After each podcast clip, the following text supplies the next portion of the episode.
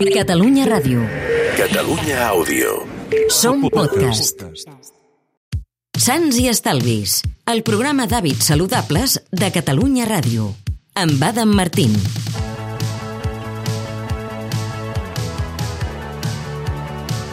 Hola, què tal? Com esteu? Benvinguts al Sants i Estalvis, el programa d'hàbits saludables de Catalunya Ràdio.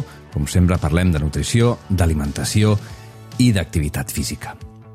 Havia una consulta molt ràpida i molt concreta que hem rebut a través de les xarxes i que toca un tema que comença a ser una mica preocupant per la confusió que genera. Ens escriu l'Anna i ens demana si menjar sense gluten és més sa. N'hem parlat altres vegades al programa. De fet, fa uns anys vam entrevistar la Núria Pablos i la Elisa Mora, que havien fet un llibre que es deia Sin gluten i sin riesgo, publicat per Zenit. Podeu recuperar aquesta entrevista al web de Catalunya Ràdio. Ja sabem que el món de la nutrició és ple de modes. Per exemple, aquests últims anys, precisament, s'ha posat de moda no menjar gluten. Té algun sentit això? El gluten és tan dolent com diuen alguns? O és tan necessari com diuen d'altres? Una dieta sense gluten és més sana? I el que fan algunes persones, que també és una pregunta perfectament lícita. Si menjo sense gluten, m'aprimaré? D'entrada expliquem què és això del gluten. El gluten és un conjunt de proteïnes complexes que contenen alguns cereals, no tots, eh? Alguns. El blat i tots els seus derivats, com per exemple l'espelta o el camut, l'ordi i el sègol. En parlem molt perquè fins fa poc sabíem que les persones celíaques no en poden prendre, són aproximadament l'1% de la població.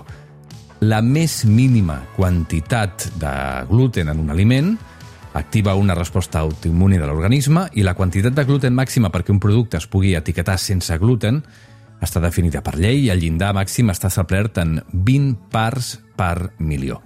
Precisament la Lisa Mora, que entrevistàvem fa un parell d'anys i que és doctora en biologia i experta en gluten, eh, ens deia, si tinguéssim un bombo de loteria ple d'un milió de bitllets, només 20 d'aquests bitllets podrien ser de gluten. Per tant, quan aquesta quantitat es supera, el sistema immunitari de la persona s'activa i genera una reacció a dins dels budells que destrossa les vellositats intestinals, que són les parts dels budells que s'encarreguen d'absorbir els nutrients.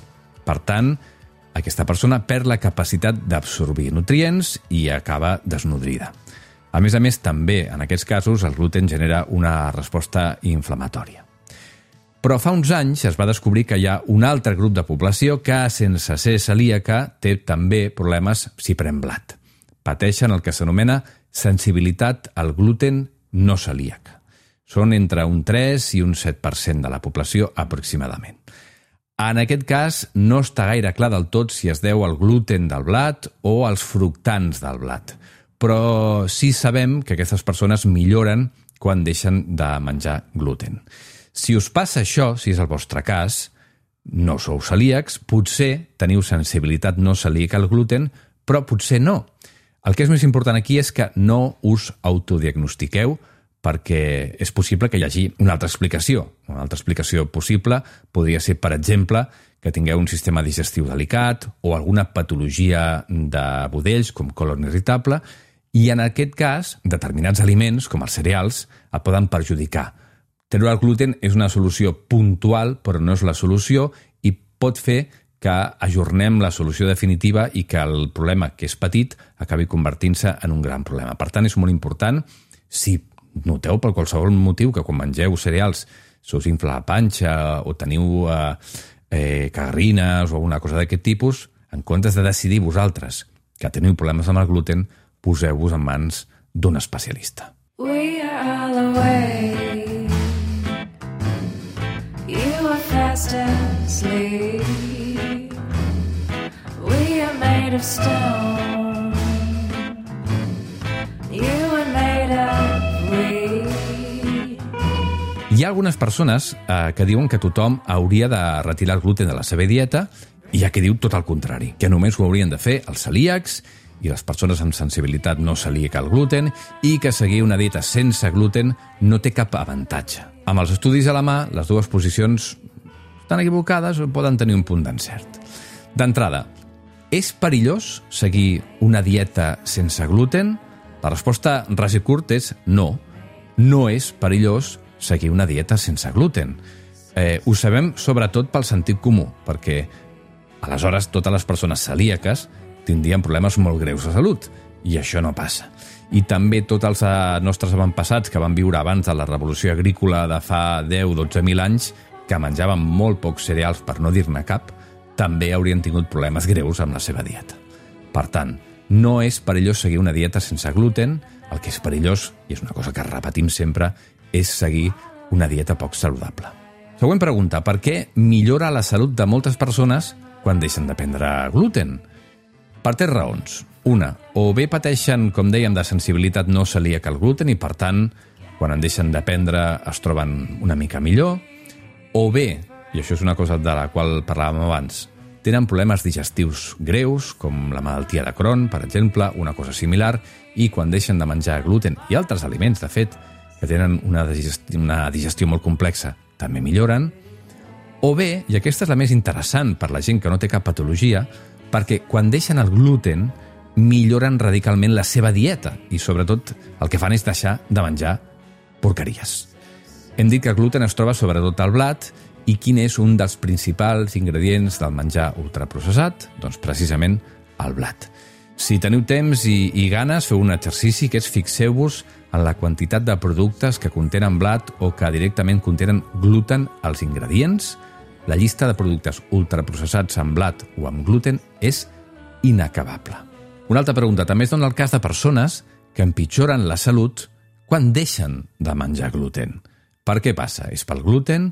Doncs en general és perquè el que fan és menjar pitjor i de manera molt desequilibrada. Per què passa això? Moltes persones desinformades i obsessionades per culpa d'aquestes modes una mica absurdes pel gluten només mengen productes etiquetats sense gluten.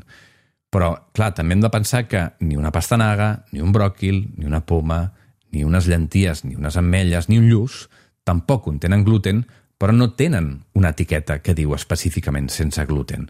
Per tant, algú que no està ben informat del tot podria en un moment determinat, deixar de menjar tots aquests aliments, eliminar tots aquests productes de la seva dieta i, per tant, incórrer en una dieta poc saludable. També pot ser perquè molts productes sense gluten són eh, marranades ultraprocessades. Un decideix deixar de menjar gluten i comença a buscar productes etiquetats sense gluten i molts d'aquests són productes ultraprocessats, madalenes, pastissos, gelats, pa sense gluten, que tenen exactament l'etiqueta sense gluten, però que són també molt poc saludables. Per tant, dius, deixo de menjar gluten per salut, però acabes de menjant pitjor del que ho feies abans. Tens algun dubte sobre nutrició, alimentació o activitat física? Escriu la teva pregunta o, millor, deixa'ns un àudio a Twitter o a Instagram, arroba Sants i Estalvis.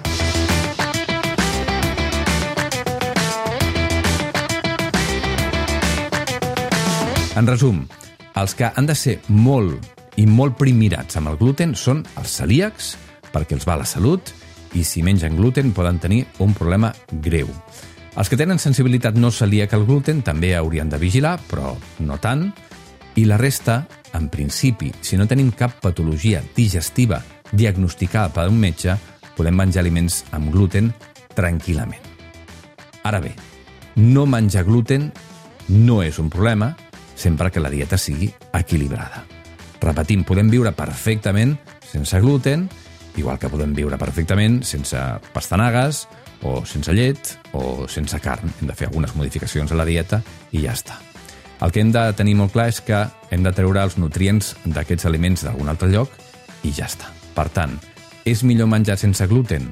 D'entrada, no, si no tens algun tipus de patologia, però tampoc és un problema menjar aliments sense gluten sempre que no anem a patar productes ultraprocessats i sempre que obtinguem els hidrats de carboni i altres nutrients interessants que tenen alguns productes que tenen el gluten, sempre que obtinguem aquests nutrients d'algun altre aliment. Ho deixem aquí. Avui consulta breu al Sants, la setmana que ve molt més. I per cert, ja que us tinc a l'altra banda, recordeu que dimecres de la setmana passada es va estrenar un nou podcast que es diu Gent Normal, un podcast brutal sobre trastorns mentals. El primer capítol estava dedicat al trastorn obsessiu-compulsiu, al TOC, i aquesta setmana, dimecres, podeu sentir el segon capítol dedicat a la salut mental en adolescents, en general, i en particular a les lesions no autolítiques, és a dir, aquelles lesions que no acaben amb suïcidi, però que també tenen conseqüències greus sobre la salut mental de les persones. També trobareu el Gent Normal al web de Catalunya Ràdio. Gràcies per ser a l'altra banda. Fins la setmana que ve. Sants i Estalvis, el programa d'hàbits saludables de Catalunya Ràdio. Amb Adam Martín.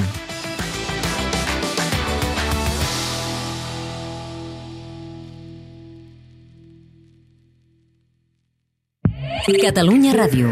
Catalunya Àudio. Som podcast.